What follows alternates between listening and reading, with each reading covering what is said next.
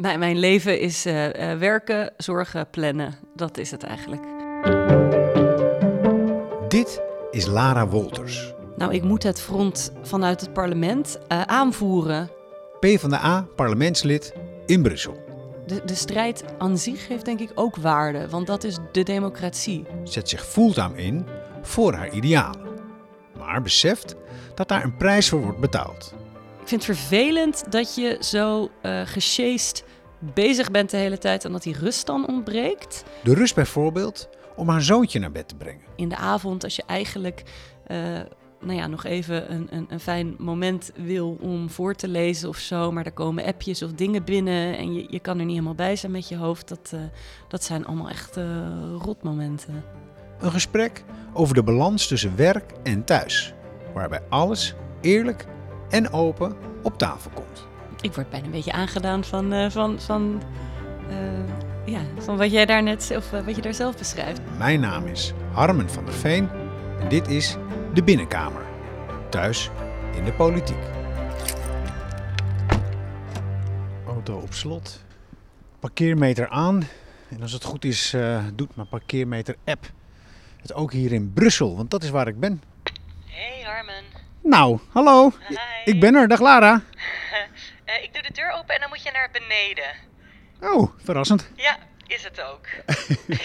Ga ik doen. Yes.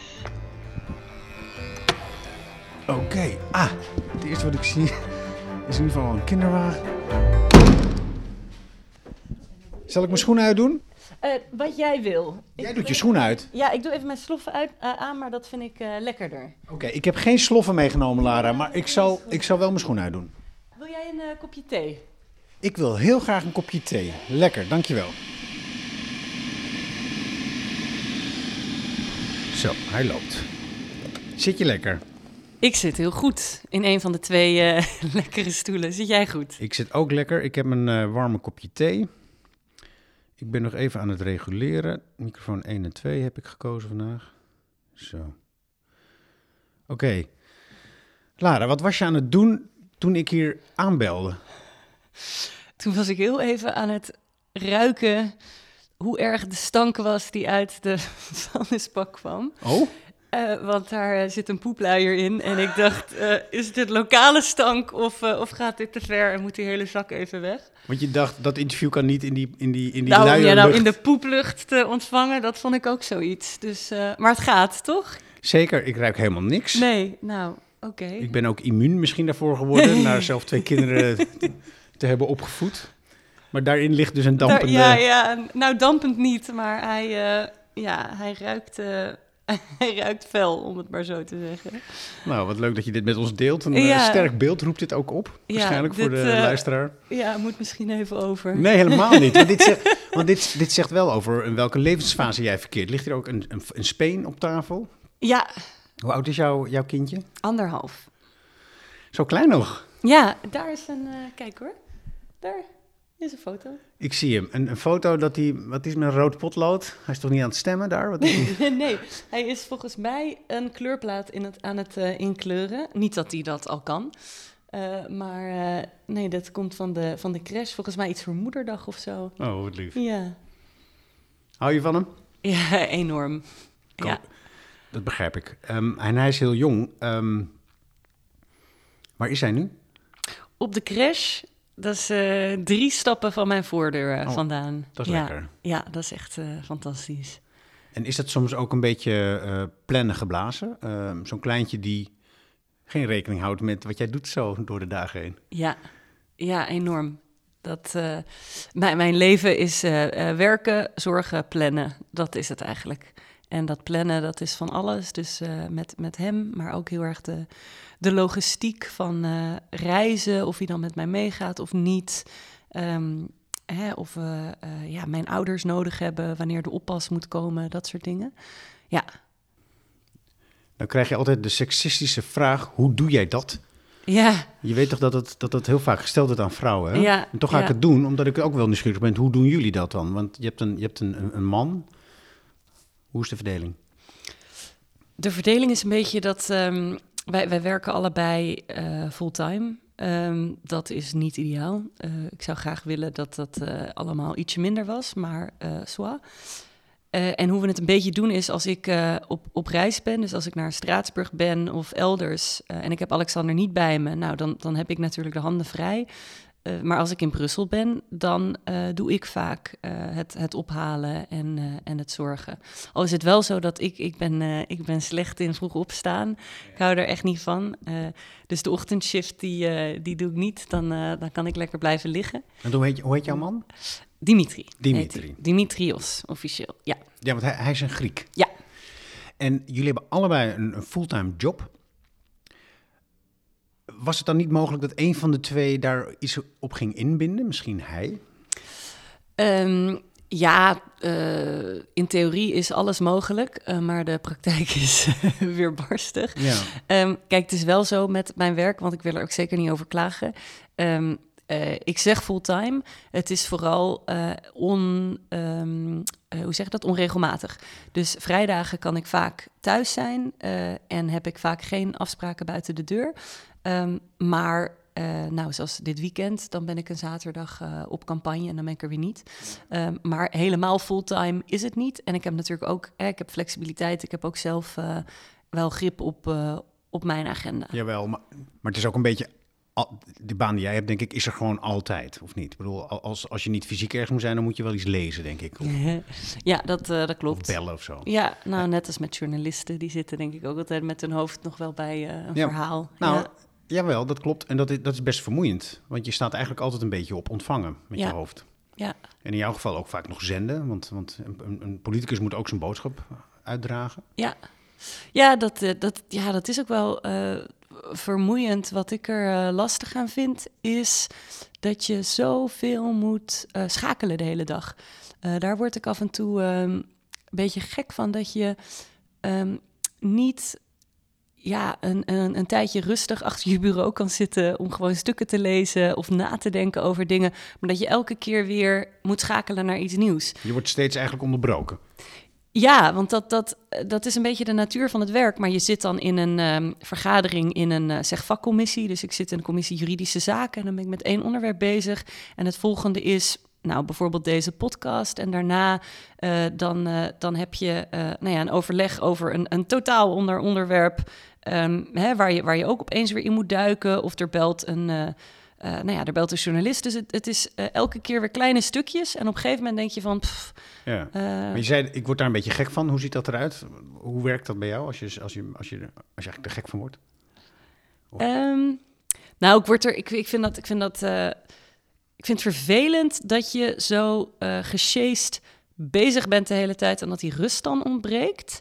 Um, een beetje, soms dan denk ik van, oh ja, hè, dat is een beetje net als dat, dat we voortdurend op onze telefoon zitten en dan overladen worden met nieuwe dingen. Zo heb ik het gevoel dat dat werken in de politiek ook een beetje is. Elke keer weer nieuwe impulsen, uh, nieuwe dingen. Uh, en hoe ik daarmee omga, uh, ja, dat, dat, dat, dat gaat wel. Dat zit meer van binnen, denk ik, dan dat dat eruit komt in, in frustratie. Of, maar wat, wat gebeurt er dan daarbinnen?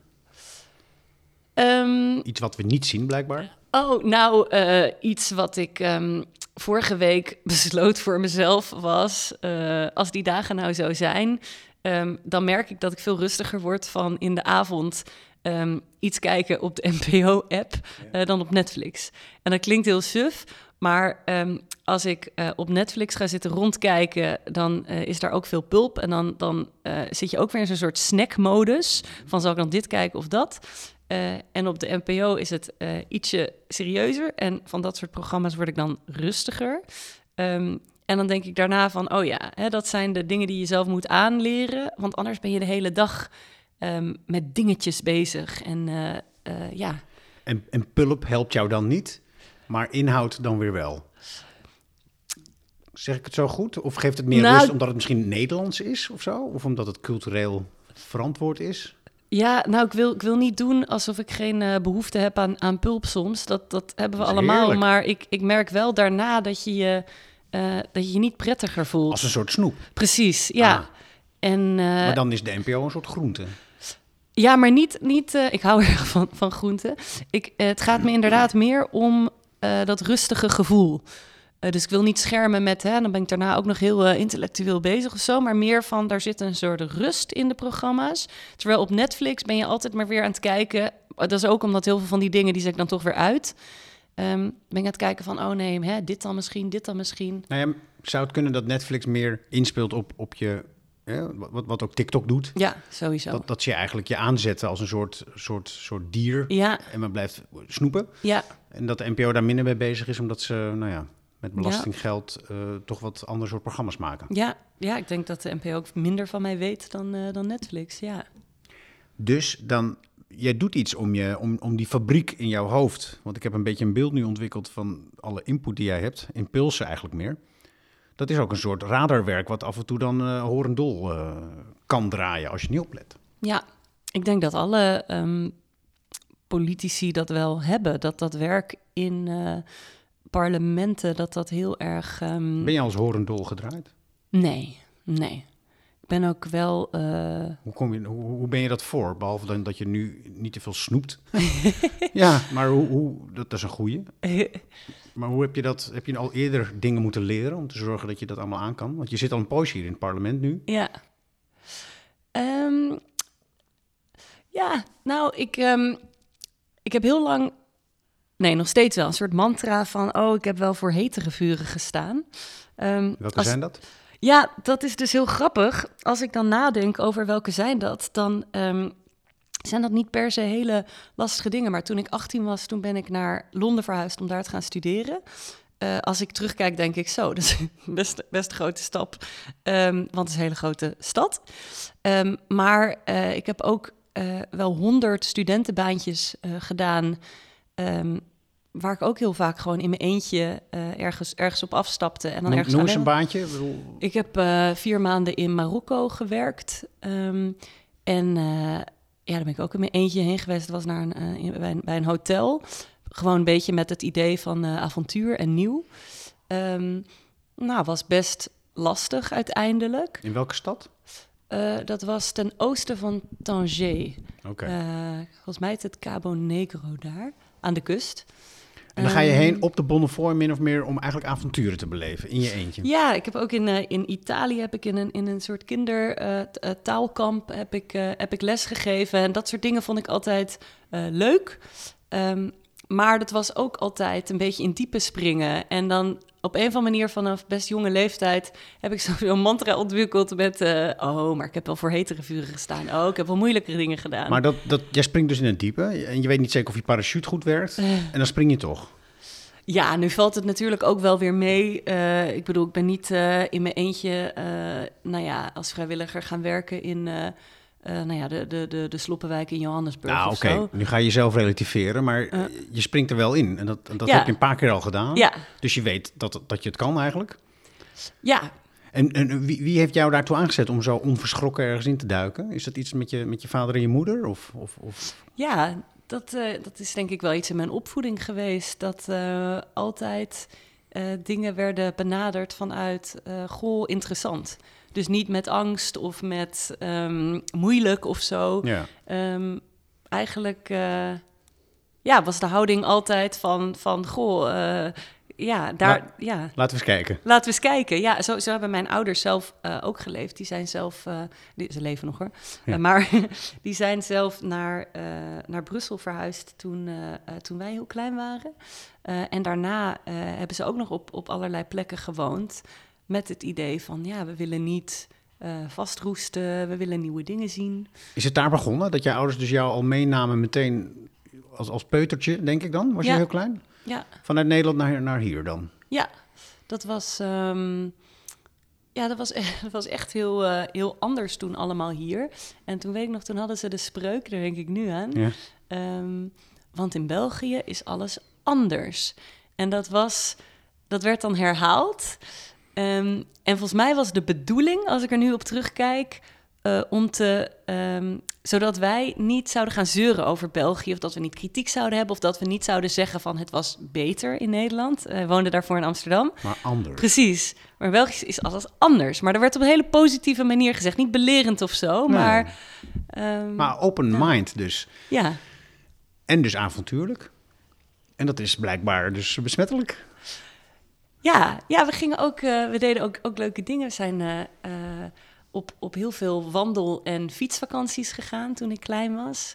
En mijn, mijn hele jeugd eigenlijk. En dat was ook altijd op de Bonnefoy. Dat was ook altijd zonder ehm, echt plan waar we dan heen zouden gaan. Dan hadden we een land uitgekozen en dan gingen we, gingen op stap. En dus geen angsten, geen, geen, geen, geen reservering vooraf.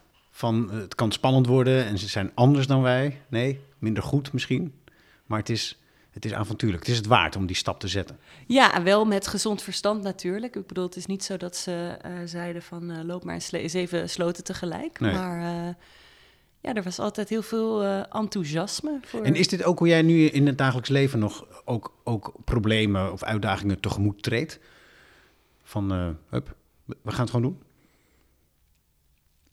Ja, moet ik even over nadenken, want de, de, de uitdagingen die zijn natuurlijk inmiddels eh, wel wat eh, groter geworden dan vakantiebaantjes of zo. Maar ehm, ja, wel altijd gewoon met het gevoel van één, eh, één stapje voor de ander en niet, ehm, ja, niet te veel beren op de weg zien. Precies. En zelf het initiatief nemen. Ja. Want dan komen we ook wel even inhoudelijk bij jouw werk. Jij hebt, je moet me een beetje helpen in het Brusselse lingo. Maar jij hebt een initiatiefwet geschreven, hè? Ja. En ik heb een beetje eh, voorwerk gedaan. Maar eh, het grappige is, hij heeft wel vijf namen, die wet. En, Ja. en, hij- en hij heeft ook nog verschillende niveaus. Dus je moet me even helpen. Ik heb opgeschreven de anti-wegkijkwet. Ja, Eh, maar hij wordt ook wel eens anders genoemd. Het gaat in ieder geval over maatschappelijk verantwoord ondernemen. ja. Hoe, hoe noem jij hem? Even, nou, nou, twee eigenlijk. Hoe noem jij hem het liefst en hoe heet hij officieel? Eh, officieel heet eh,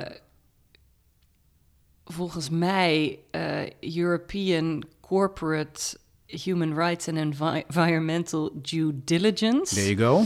Eh, nou, dat is natuurlijk veel te lang eh, Ja, om mensen mee te krijgen. Ja. Ehm, ik heb hem eh eergisteren nog de anti-wegkijkwet genoemd. Die heb ik opgeschreven. ja, dat, dat kwam er zo uit. En nu denk ik van, oh Misschien ja, kijk dat... ik op eh, Twitter of zo. En, ja, in ja. eh, een, eh, een andere podcast. Ja, dat, dat, dat dekt de lading, denk ik wel. Ehm, je kunt ook zeggen anti-uitbuitingswet. ja. Ehm, En waar gaat het over? Want jij hebt het initiatief genomen om, Ja. om, om dit aan de commissie voor te leggen. Maak daar een wet van voor 27 landen. ja, en, eh, En dat begon bij jou.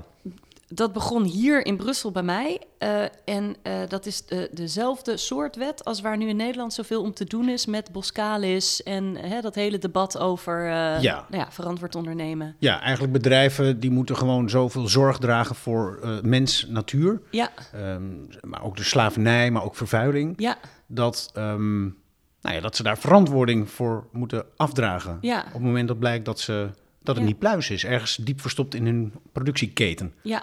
En misschien zelfs wel aansprakelijk voor zijn. Ja, Ja, eh, iedereen is doodsbang. Hè? Althans, er heel veel bedrijven die, die, die, die schreeuwen moord en brand. Mm. Dat ze zelfs in de gevangenis mogen komen. Ehm, maar het gaat mij om de, het idee erachter. Jij, ini- jij neemt dat initiatief. Ehm, er komt heel wat op je af. Je wordt helemaal plat gelobbyd en, en ook bedreigd. Nou, niet bedreigd letterlijk, maar mensen maken van jou ook iets, iets engs. Hè? Mm. Wist je dat toen je daar begon? nee, Ah, nee. dus dit is eigenlijk een beetje de analogie ook met hoe je in het leven staat.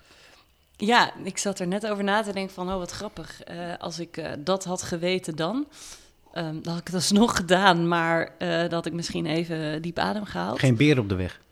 Ja, nee, ik wist toen, hoe, dat- hoe dat toen gegaan is, is ik, ehm, ik kende het parlement een beetje eh, voordat ik eh, zelf verkozen werd. Eh, ik, ik werkte voor Agnes Jongerius. Ja. En ik wist, als je in het parlement komt, dan ehm, moet je in een bepaalde vakcommissie gaan zitten. En er zijn commissies en die hebben meer in de melk te brokkelen dan, dan andere. En veel mensen die denken van, nou, hè, de eh, interne marktcommissie bijvoorbeeld, die is super belangrijk, daar wil ik in. Mhm. En dat klopt, die Mhm. is heel belangrijk. Maar er zitten ook heel veel mensen in. Dus de kans dat jij daar je stempel kan drukken op iets, is als nieuwkomer niet heel groot. Ehm, dus ik heb ook een, een klein beetje strategisch rondgekeken toen en me, me, me geïnteresseerd voor, goh, wat, wat, ja, wat moet er eigenlijk de komende jaren? Welke stempel wil ik drukken? Eh, ja, nou meer waar kan ik een ehm, waar kan ik waar kan ik een nuttige bijdrage leveren, gegeven het feit dat je met 705 leden in dat parlement zit. Want je wil een nuttige bijdrage leveren. Nou, vooral eh, iets leveren, want ehm, en daar moet ik ook een beetje om lachen nu, want dan denk ik, nou, dat is best eigenlijk best een grote opgave voor iemand die nieuw in het parlement zit. Maar feit is wel dat bij de Europese verkiezingen... dat heel veel mensen zeggen van... goh, ja, maar Europa, dat is ver weg en dat is ingewikkeld. En wat Mhm. doen jullie daar nou? Ja. Ehm, en dat ik dacht van, goh, je, je, moet, je moet concreet met iets aankomen Ja. van... Dit doe ik. Dit doe ik, dit heb ik bijgedragen. Dat is jou gelukt, eh, Lara. Nou ja, we zijn er nog niet nu, maar Of is het in een bubbel dat mensen dit opvalt? Ik bedoel, je kan, je kan zeggen, je hebt de aandacht wel eh, en de schijnwerpers wel op jezelf gericht met deze initiatiefwet. nou, dit, dit, moet, dit moet gewoon gebeuren. En, ehm, Ja, daar ben ik het mee eens. Maar je wil dus die effectiviteit hebben en niet de mooie pirouettesdans in het donker die niemand ziet. Want dan krijg je ook geen applaus. Ehm, heeft dit ook te maken met hoe het parlement werkt hier eh, in Europa? Dat je gewoon knetter effectief moet zijn. Ja, als je, het, gaat, het gaat niet zozeer om eh pirouetten draaien in het donker van hè, ik, eh, ik, ik, ehm, ik, ik wil gewoon iets, iets kunnen leveren, want het is al zo Ja, maar als niemand het ziet, hier. Dan kan je leveren wat je wil, maar dan ziet niemand het. Ja, nee, dan, lijkt, dat dan is. lijkt mij de prijs ook best wel hoog en alle inzet. Ja, en aan de andere kant is de reden dat dit is, eh, tot nu toe is gelukt, want we zijn er nog niet. We zitten nu midden in de onderhandelingen over de, de echte wet. Maar de reden dat tot nu toe dat, ehm, dat we tot hier hebben kunnen komen, is dat er ook eh, dat, we, dat we wel aan het dansen waren in het donker, want er is hier minder media-aandacht. En dat het tot nu toe een beetje in de luwte heeft gezeten. En dat, is- dat is nu in Nederland anders, maar eh, in het begin, toen, toen ik hiermee begon in Brussel, eh, begrepen mensen niet goed wat dit was. Er werd niet op je gelet. er werd niet op gelet. Wat weer een voordeel was dus. Wat enorm, wat enorm voordelig is geweest. Hmm. Ehm, Dus die luwte is ook weer een voordeel. Maar als het zover is, dan wil je wel natuurlijk dat, dat, dat, het, dat het gezien wordt. nou, ik wil vooral dat dit gaat, gaat lukken. Dat is echt, en dat is geen eh, politiek correct antwoord, maar dat is, dat is echt eh, prioriteit nummer, nummer één. Ja, Ehm, want eh, sindsdien is er wel wat veranderd. Kijk, het, het Europees Parlement heeft geen recht van initiatief. nee. Ehm, wat we wel hebben is een soort achterdeurtje. Als je met een grote meerderheid een beestje kan laten aannemen wat eruit ziet als een wet, dus hè, artikel 1, artikel 2, Ja. eh, dan wordt het voor de Europese Commissie, die wel recht heeft van initiatief, wordt het voor hen heel moeilijk om het in een la te leggen en te zeggen, nou, hè, dank je vriendelijk, eh, daar doen we verder niks mee. Dus dat was stap 1, toen kwam het bij de Europese Commissie.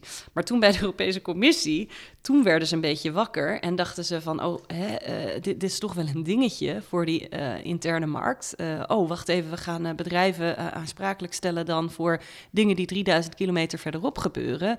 Eh, moeten we dat wel willen? Dus toen heeft het een tijd vastgezeten in de commissie. En dat was een beetje het eerste teken van die, die weerstand die Ja. zich begon op te bouwen. De beren kwamen uit het bos de weg op. Precies, precies. Ehm, en eh, daarna ja, hebben we met man en macht moeten vechten om te zorgen dat er toch hè, een, een voorstel uit die commissie kwam. Eh, we zijn nu aan het onderhandelen in het parlement, maar ja, wat je, wat je ook hebt kunnen ehm, horen, denk ik, in, eh, in de andere podcast van gisteren. ehm, Van follow the money. ja, iedereen, eh, iedereen in Brussel die, die, ehm, ja, die zit hier bovenop. Of tenminste, hè, voor, voor bedrijven is het een... eh, Maar je zegt ook, met man en macht aan het vechten. Ja. Dus dit is een strijd die Ja. jij aan het leveren bent. ja, Je bent gewoon dus in een soort vechtstand. ja. Is dat niet ook eh, zwaar? Ehm, ja, dat is wel zwaar, want ehm, ja, het, het idee dat het niet zou gaan lukken, ehm, dat vind ik een heel eng idee, omdat er nu op dit moment politiek momentum is en de maan en de sterren die, die, die lijken goed te staan voor, voor een echte doorbraak hier. Maar als dat nou niet lukt, dan zou het wel eens kunnen dat dat hele plan van tafel wordt geveegd en dat eh, na de verkiezingen eh, dat niemand zijn handen er, er meer aan wil branden. Maar jij durft het front dus niet te verlaten op dit moment. Nou, ik moet het front vanuit het parlement eh, aanvoeren. Ik, ik ben Dus er je bent gewoon de, de generaal eigenlijk. ja, nou, ik ben ermee begonnen, Ja. dus ik moet, moet ook afmaken nu, ja. Maar Zelensky, eh, om, om maar even de metafoor door te trekken, haalt Ja, zijn... dat vind ik wel een hele, dat is een, eh, ja, Ja, ja, ja, dit- ferme, maar ja. Nou, ik lees al die stukken en, en, en af en toe, hij haalt zijn militair af en toe naar huis. Hè, dan mag je het front verlaten, dan mag je even bijtanken. En dan neemt iemand anders het van je over. Zit jij in die positie dat je af en toe even van het front weg kan, naar huis, uitrusten... en dat iemand anders het van je overneemt? Nou, ik ga volgende week in een eh, huisje in een natuurgebied in Drenthe zitten. Oké, goed zo. Eh, om even uit te Nou, dat is, dat is niet half symbolisch. Dat is dus echt, dan Ja. ga je uitpuffen van Ja. de strijd. Ja. ja, dat is ook heel erg bewust, want eh, eigenlijk was het deze week vakantieweek. Maar toen was het toch heel druk. Ehm, en volgende week ehm, leek het ook weer druk te worden. Toen dacht ik, nee, wacht even. Nu is het belangrijk om, om, om even een time-out te nemen... voordat we weer heel intensief gaan onderhandelen in de weken daarna. En hoe zorg je dat die time-out echt goed komt? Door mijn ouders mee te nemen die op mijn zo- zoontje kunnen passen. Daar in dat vakantiehuisje. Ja, ja. Maar hoe hou je je agenda leeg? Eh, door te zeggen, ik wil, eh, ik wil die dagen echt even geen, geen afspraken. En is dat van belang dat je die rust, dat, dat echt het moment voor jezelf en voor je man en voor je kind Ja, pakt? ja, dat is... Dat is ehm, Kijk, nogmaals, ik wil, daar, ik wil daar echt niet zielig over doen. Waarom hebben- iedereen, jij zegt dat, dat zoveel politici zeggen dat weer, want ze zijn doodbenauwd dat, dat, dat, dat, ze, Ja. dat, dat anderen het al vinden en, als, en ze willen het nooit zelf zeggen. Ja, De offers, de strijd, de, de vermoeidheid. Waarom ben je zo bang daarvoor? nou, omdat heel veel mensen met kinderen... eh, ja, het, het, het eh, zwaar hebben. Maar eh, misschien kan je wel een rol... Ik word een beetje boos nu, want Ja. je bent ook een rolmodel. En Ja. als jij nou ook toegeeft dat het zwaar is... Ja, dan kunnen andere mensen die dus ook maar steeds niet toegeven dat het zwaar is... want die denken weer andersom. Die denken, ja, die Lara Wolters, die heeft dus een kind van anderhalf... een man met een fulltime baan, zijzelf doet er ook niet aan onder... En die knalt maar door, nou, ik zie wel... Ik, zie, ik, of zo. ik hoor, ik hoor wat je zegt. Ehm, het grappige is dat als ik eh, vriendinnen heb die zeggen van... ik vind het best even zwaar allemaal, hè, in, in situaties met banen en kinderen en zo... Ja. dat ik de eerste zal zijn die zegt van... eh, hè, natuurlijk mag je daarover klagen. En, hè, want ik heb, ik heb één vriendin die, eh, die vindt al helemaal altijd dat ze... ja, dat ze, dat ze, dat ze blij moet zijn met wat ze heeft en dat ze, dat ze niet mag klagen. En dan ehm, ben ik juist degene die ervan overtuigt van... joh, pra- praat daar nou over en zeg dat gewoon. En tuurlijk kan dat. Maar nu doe je het zelf dus ook. Ja, maar je zit wel op Tegen een, mij en de luisteraars. Ja, maar je zit wel op een andere plek. En er zijn eh, zat mensen die er een moord voor zouden doen... om met de ehm, ja, mogelijkheden die je natuurlijk ook hebt als politicus... Hè, van je, toch je eigen agenda bepalen. Eh, je wordt eh, goed betaald. Je hebt mensen ook die, die je kunnen helpen bij dingen. Ja, Ehm, dat ja, begrijp er, ik. Ja, er zijn Maar- mensen die daar moord voor zouden doen. En die, Prima. die nu, maar je eh, snapt, snap je mijn punt ook? Dat, Ja. dat als jullie politici die zo verschrikkelijk hard werken... hele tijd maar zeggen en doorknallen en daar gaan we weer... en oh, nooit bij de pakken neerzitten. Dat, dat mensen dan denken, jezus... Het is vermoeiend bijna om naar te kijken. Omdat ze het zelf dus steeds niet willen toegeven. Jij, bent, jij durft het uiteindelijk toch niet echt te zeggen... hoe zwaar het ook is. Ja, ehm, Vind je het een moeilijke onderdeel? nou, ik ga heel erg op mijn woorden letten nu. Ehm, ja, dat is. Dat is ehm, Iemand uit tuurlijk, tu- ja. ja. het, het is. eh, kijk, eh, jonge kinderen zijn zwaar en werken in de politiek. eh, dat is best zwaar. En de vraag is dus een beetje van hoe eh, kun je daar eerlijk over vertellen zonder dat het. Ja, zonder dat je. eh, ehm, zonder dat je tekort doet aan alle eh, ja, de, de voordelen die je ook hebt van, van politicus zijn. Ja. En er zijn natuurlijk eh, niet zo heel veel mensen die van hun, ja, van hun, hun, hun, hun passie of van dingen die ze, die ze echt, nou ja, waar ze een gevoel bij hebben, die daar hun werk van kunnen maken. Ja. Ehm, en dat is ja, iets aan de, aan de andere kant van de, van de streep. Ehm, waardoor je dan bang bent dat het een, verteel, een, ver- een, een vertekend eh, beeld wordt. Want ja, we, we weten nu ook hè, in Nederland, eh, kampioen flexwerkers, dat er mensen zijn met, met, eh, met drie baantjes en gescheiden zijn en moeten rondkomen en voor hun kinderen zorgen. Die hebben het nog zwaarder dan Lara Wolters hier in Brussel. Maar prima, de balans geef je stuk- wel goed ja. aan. Dat je daar dus, dat vind jij een, een ingewikkelde kwestie. Nou, en misschien heeft dat ook wel te maken met ehm, de, de tijd waarin we leven. Van eh, dat we wel snel oordelen over elkaar allemaal. En eh, hè, dat heeft ook te maken met, met Twitter en met, met dat alles hap-snap moet. En dat we de tijd niet meer nemen. En wat bedoel je daarmee? Nou, dat ehm, ik denk dat het mooi zou zijn als we als, als eh, maatschappij, eh, als we wat, eh, ja, wat, wat, wat langzamer misschien of wat grondiger ehm, eh, het over maatschappelijke issues kunnen hebben. En ik heb het idee dat, ja, dat alles zo, zo snel moet dat je altijd moet uitkijken voor hoe wat jij zegt in één, hè, in één zin zou kunnen worden samengevat, waardoor er weer een verkeerd beeld ontstaat. Ja, nou is, nou is het bij, bij deze opname natuurlijk, gebeurt dat niet. Nee, dat klopt. Dit is, uh, dit is slow, uh, ja, en dit is precies slow ik, media, ja. Ja, en dit is precies waarom ik deze podcast ben begonnen. Omdat ook ik hier behoefte aan had. Want die korte ademigheid van journalisten en politici, waaronder ik, waar ik ook aan mee heb gedaan, daar werd ik helemaal uh, nerveus van. Ja. Hè, dan, dan in theorie zou ik jou dan kunnen ontmoeten ergens. En had je dan een wet. En dan moest ik dat ook nog eens kort, kort samenvatten. En jij nog korter. En als je niet kort genoeg was, ging ik je onderbreken. Ja. En dan, uh, ja, en jij was altijd hard aan het werk en ik ook. En zo hou je elkaar een beetje hmm. in een soort... Uh, ja. ja, een tango eigenlijk, die, hmm. die steeds sneller gaat. En dan, ja, dat, dat is eigenlijk een soort nepwereld, hè? Mm. Ja. Ondermijnend voor de democratie uiteindelijk, denk ik zelfs. Maar dan ben jij bezig, hè? De hele dag en nacht zit ook in je hoofd. Nou, je zegt ook dat je eeuwig zoekt naar, naar momenten van rust. Allemaal om die machine niet uh, op hol te laten draaien. En dan, dan is het werk, jouw werk is dus zo'n wet. En zo'n wet, die wordt verminkt naarmate het proces langer duurt.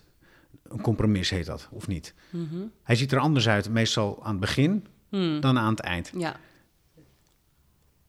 Zeg ik dat, zie je het beeld of niet? Althans, ja. ik, ik zal een voorbeeld noemen die, waar ik wel eens mee te maken heb. Ik heb wel eens een podcast gemaakt voor een, voor een, voor een instelling. Ik ga niet zeggen hoe en wat, want dat, dat doet er verder niet zoveel toe. Maar die was mooi. Toen ging die omhoog. Uit mijn zicht verdween die. En, en toen kwam die bij een jurist terecht. En die was niet die podcast over de, de toeslagenaffaire. Nee. Maar laatst heb je dat gelezen? Sorry. Vertel, nee, nee, is goed. Vertel. Een podcast over de toeslagenaffaire, wat? Nou, er stond een heel groot stuk in, uh, ik weet niet of de Volkskrant of de NRC stond laatst, maar dat na de toeslagenaffaire uh, dat werd gedacht van, goh, we moeten echt uh, zorgen voor cultuurverandering ja. bij het ministerie en of bij de Belastingdienst, volgens mij bij het ministerie. En dat werd op allerlei manieren geprobeerd. Um, en daar hadden ze, ze, hadden ze plannen voor. En een van de ideeën die daarbij hoorde was... we gaan een podcast maken met mensen die betrokken zijn geweest... vanuit het ministerie volgens mij bij die toeslagenaffaire. Hoe, hoe ze dat zelf hebben gezien. Klinkt als een goed idee. Het klinkt als een goed idee. En vervolgens was de strekking van het stuk...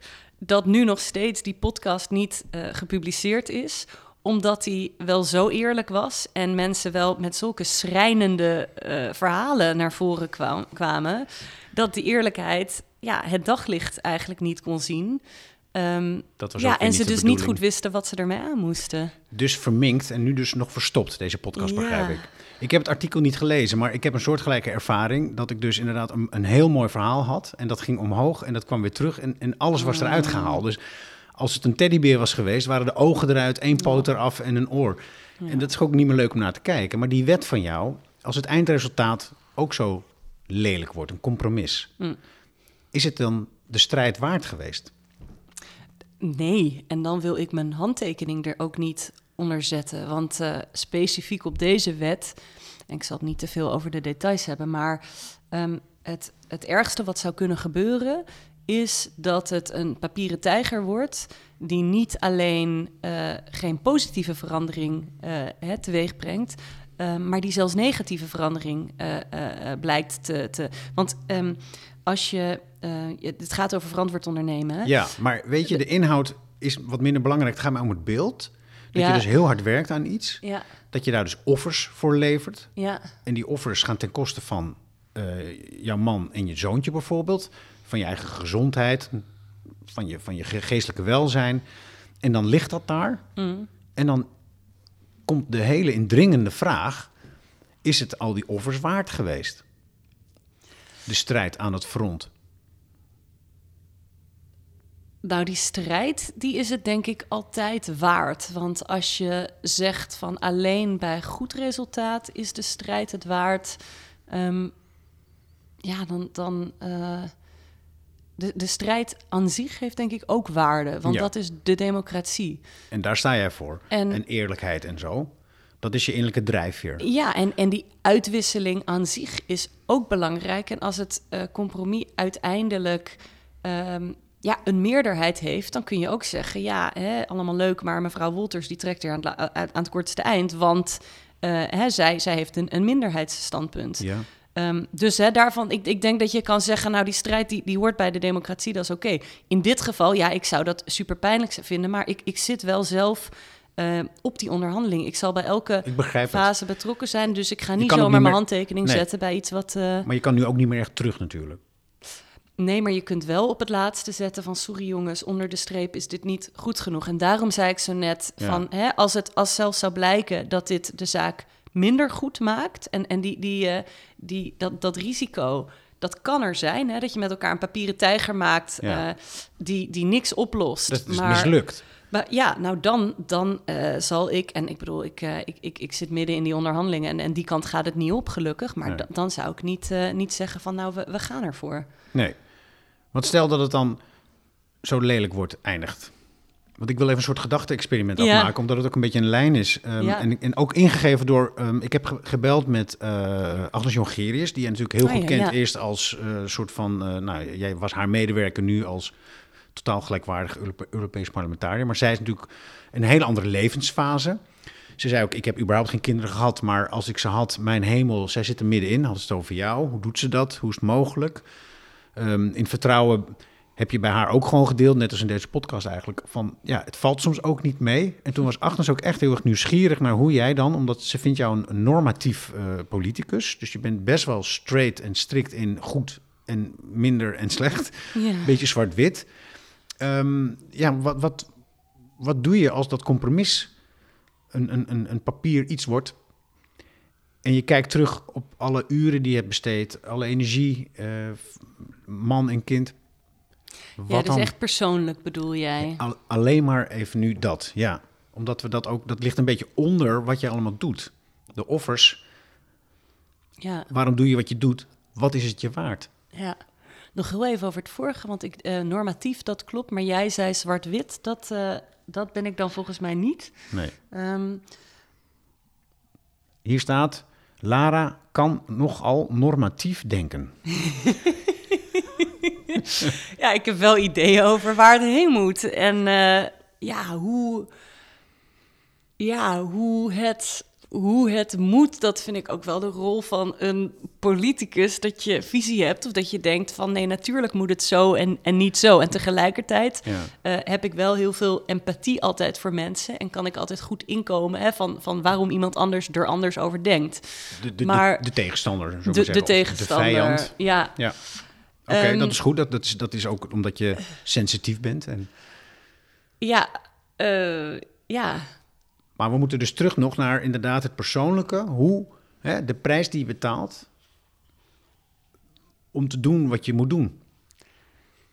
Ja, nou, ik, um, ik denk dat ik dan misschien wel even met een, uh, met een coach of zo zou willen zitten.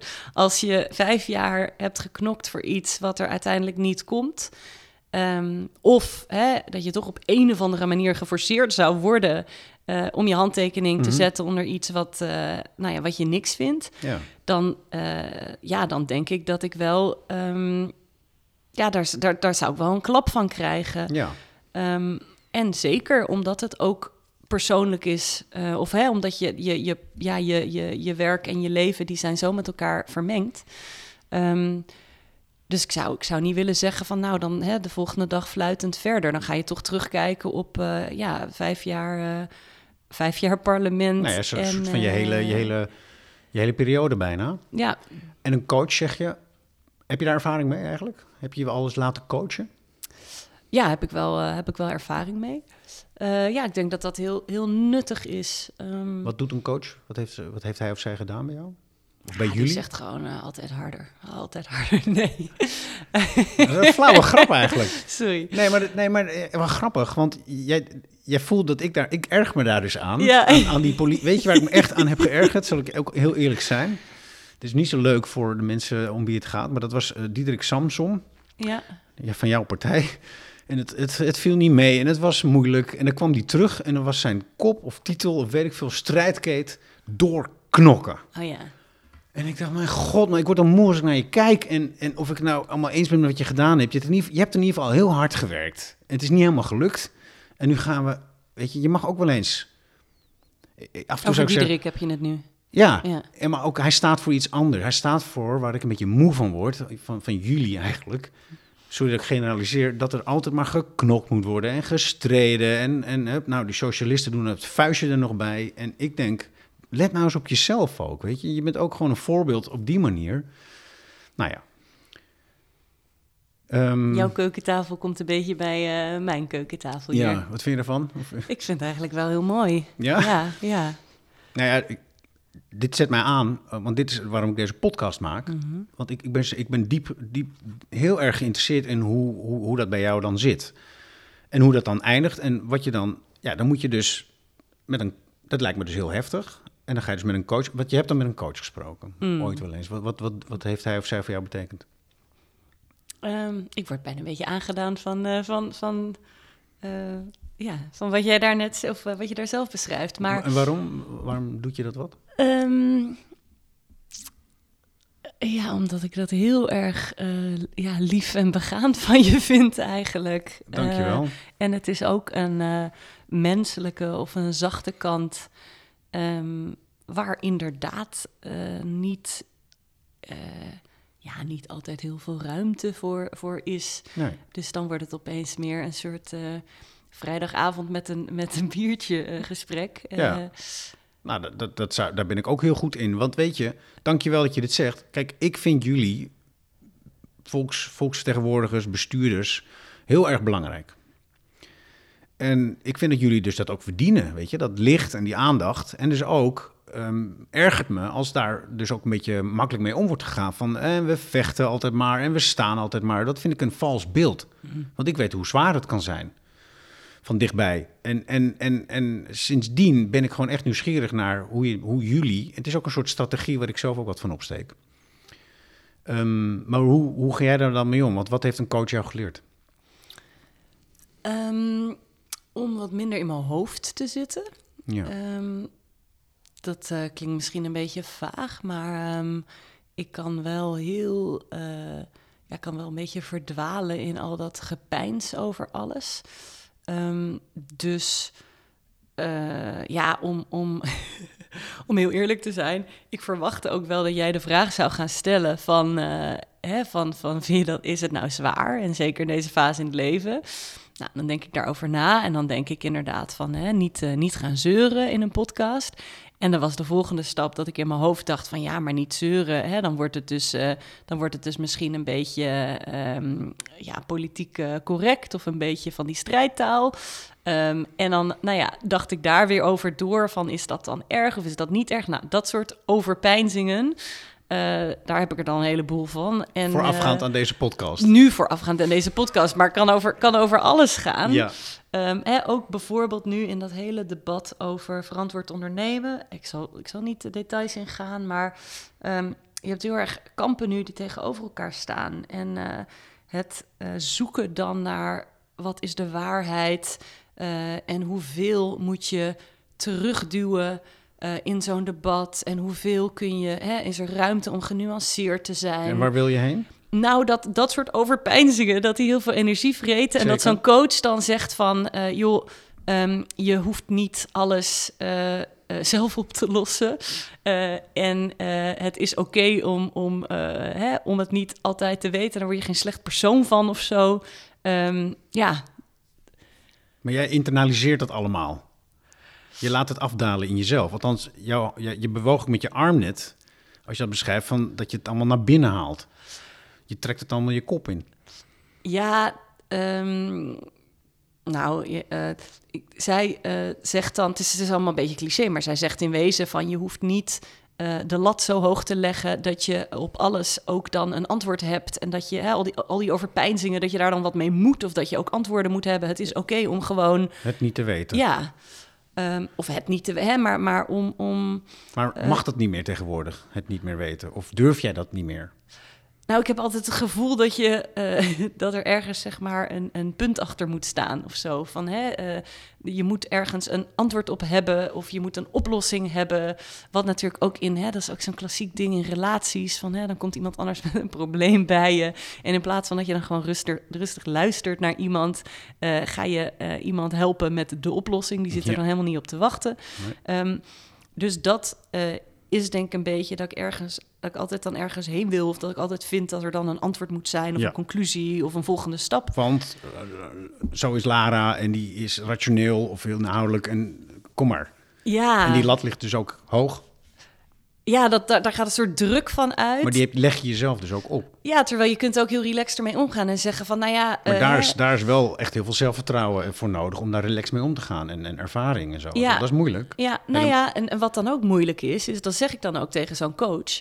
Maar zo'n coach, die heeft natuurlijk niet specifiek ervaring met de politiek. Nee. Dus soms zegt ze ook dingen waarvan ik denk, ja... Uh, Maar hier, hier, hier kan ik helemaal niks mee, want de realiteit in de politiek uh, die is gewoon heel anders. Uh, of weet ik het, uh, de druk die ik ervaar om uh, nou ja, op het groene of op het rode knopje te drukken. ja, dat is niet iets wat je goed kan uitleggen aan iemand die, um, ja, die helemaal buiten die wereld staat. Nee, aan mij kan je het wel uitleggen. Ja. Want, want nou ja, je, je kent mijn vrouw natuurlijk, die, zit, die, zit, die doet wat jij ook doet. Mm. En ik herken heel veel, ook die lat hier. En hoe hoger die lat, hoe meer je teleurstelt. En op een gegeven moment kom je op een niveau dat je eigenlijk het nooit helemaal goed doet. Ja. En dat vind ik ook zo jammer. Snap je het allemaal? Ja. ja. ja. Want eh, heb je het gevoel, nou ja, ik duw nog steeds door, uh, dat je tekort schiet bijvoorbeeld voor uh, je zoontje of je man? Um, ja, sowieso. Ja, sowieso. Nou ja, je hoort ja. dat echt iedereen zeggen en dat is, uh, ja, dat, ja. En wanneer voel je dat? Um, nou, als ik uh, terugkom uit uh, Straatsburg, als ik daar ben geweest en ik ben vier dagen weg geweest. Um, en ik heb het idee uh, dat hij um, ja, door mijn afwezigheid, dat hij minder lekker in zijn vel heeft gezeten of onrustig was. Um, dan voel ik me daar heel, heel vervelend onder. hij gaat vijf dagen naar de, naar de opvang. er zijn dagen dat ik denk van, goh, hij hij lijkt een beetje ziek of hij is een beetje onrustig of zo. Het zou eigenlijk beter zijn hè, dat hij even een ochtend thuis was.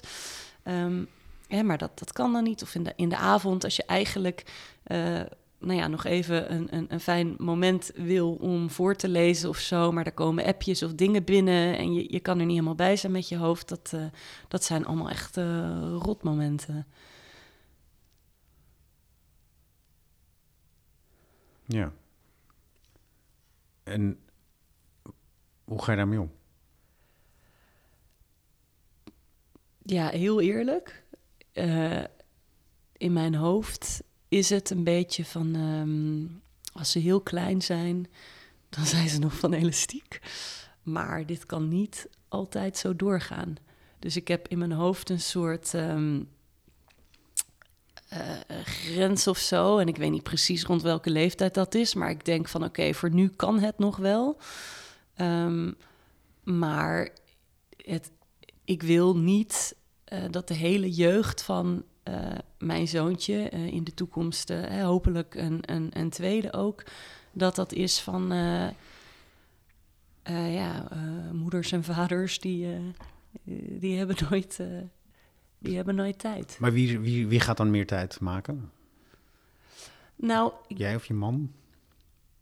Um, nou, als het aan mij ligt, allebei. Mm -hmm. um, maar dat heeft dus ook te maken met um, ja, die, die balans. En ik, ik hoop dat, uh, dat er ook een moment komt dat ik uh, rustiger ben, dat ik mij rustiger voel en meer. En hoe, uh, hoe kom je daar? Want er komt misschien een tweede termijn. Jij wil wel door. Dat is wel de bedoeling, ja. Wil ja. je door? Ja. Nou, huppatee. Dan, dan, zit je, dan zie je ja. het niet heel snel heel rustiger worden. Ja, maar...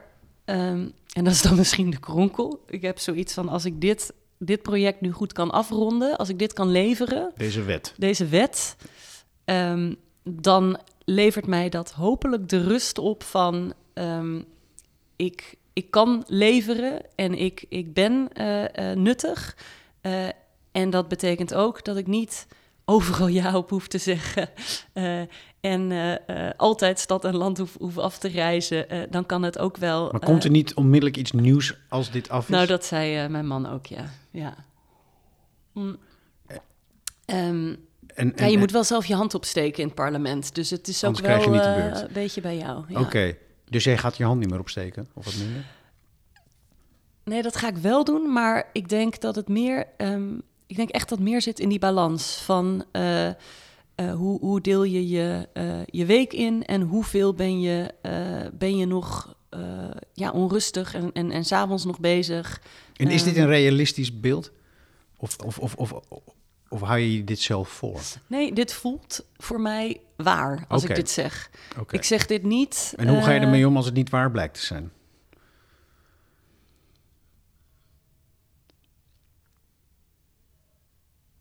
Ja, ehm, nou, ik, ik weet, eh, ik weet hoe zielsveel ik van mijn zoontje hou. Ehm, en ik weet hoe echt en hoe groot dat gevoel is. Dus ehm, ik heb daar eigenlijk wel vertrouwen in, in dat dat eh, goed...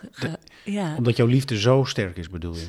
Ja, dat, dat, dat is niet iets wat je zomaar even aan de kant zet. Nee, maar dat betekent dus dat die oerkracht die jij nu voelt, die ik ook zie aan jou, Ja, dat je met die kracht, denk je dat je het gaat lukken om in de toekomst minder hard eh, gaat werken of zo? Of, of functioneler? Of, of, nou, of of de dat je- druk er voor mezelf eh, iets, iets af te halen. Dat Ja. niet alles Maar dat hoeft, bete- dat ik niet overal bij hoef te zijn, ja op hoef te zeggen. Maar daar is ook veel kracht voor nodig. En zelfvertrouwen. En eh, ja, geef het maar een naam. Ja, En- maar ik denk dat. ehm, kijk, ik heb nu heel erg dat gevoel van. ehm, ik moet leveren. eh, want dit is super belangrijk. Er zit een, een heel erg groot gat wat we moeten vullen. Eh, hè, dat, dat gat Ja. van, van de, de oneerlijkheid. Ja. eh, van, van, Je bedoelt, je wilt deze oorlog, deze oorlog Dit- wil je winnen. Deze strijd, moet. sorry, geen oorlog. Deze strijd wil je winnen. dit, dit moet. Dit moet. Dit is En- jouw. Ja. En dan, eh, dan is de hoop dat als dat is gelukt, dat. dat, nou, dit, dit gat is dan sowieso gevuld, maar dat het ook een soort rust oplevert van ehm, ik, eh, ik hoef mij niet, ehm, ja, ik, ik hoef mij niet schuldig te voelen op een bepaalde manier ehm, dat ik niet, ehm, ja, dat ik niet voldoende lever Je of dat ik, eigenlijk, mijn beeld is heel sterk. Jij bent een soort militair, je bent een strijder. En jij wil eigenlijk dat je in ieder geval in de functie van strijder... in ieder geval één keer hebt bewezen dat je een, een, goede, een goede strijder bent. Het moet, het moet concreet zijn. Ja, een winst, een, een, een scalp. Ja, de metaforen vliegen nu alle kanten op, maar... Ja, maar dit lijkt ook heel erg alsof het niet om de, de inhoud gaat. Maar ik, ik ben er wel. En dat, dat, is, ehm, dat is niet goed hoor, wat ik doe. eh, want het is gewoon complex in het parlement. En je zit er met heel veel mensen. Mhm. eh, en niet iedereen kan een, een, een, een, nou ja, een wet op zijn naam hebben staan. Nee, Maar feit is dat ik nu in dat proces zit. En ja. Feit is dat heel veel mensen over Europa zeggen van ja, maar hè, wat, wat, eh, ja, wat doen jullie daar voor Nou, ons? dit dus- is, dit doe jij. Precies. Maar dit wil jij ook. En, en daarom, ehm, Maar dat is toch heel goed, want mensen zoals jij, daar hebben wij dus wat aan. ja, Want in, in 27 ja, landen aan kan de het andere zijn... kant is het dus niet realistisch dat elk, eh, ja, dat elk nieuw lid, of moet ik zeggen, hè, dat elke eh, jonge vrouw met kinderen, dat die, dat, die hè, dat, dat per se moet doen. Maar voor Nee. mezelf leg ik die lat Ja, daar. maar die 705 mensen zitten niet tegenover mij aan nee, deze nee, tafel. nee, weet ik. Dus maar jij me- zei ook van, hè, we moeten ook, ehm, ja, we moeten ook niet, ehm, ja, zelf, zelf die, die, die lat te hoog gaan, gaan leggen. Of hè, politie, die werken daar zo aan mee. Ja, Ehm, maar goed, eh, ja, dit, dit moet. En dan hopelijk levert dat de rust op van, ik hoef niet, ehm, ja, ik hoef niet aan kiezers te, eh, nog, nog ehm, hoe zeg je dat? Ehm dinges af te leggen. Verantwoording. vera- ja, verantwoording. Ja.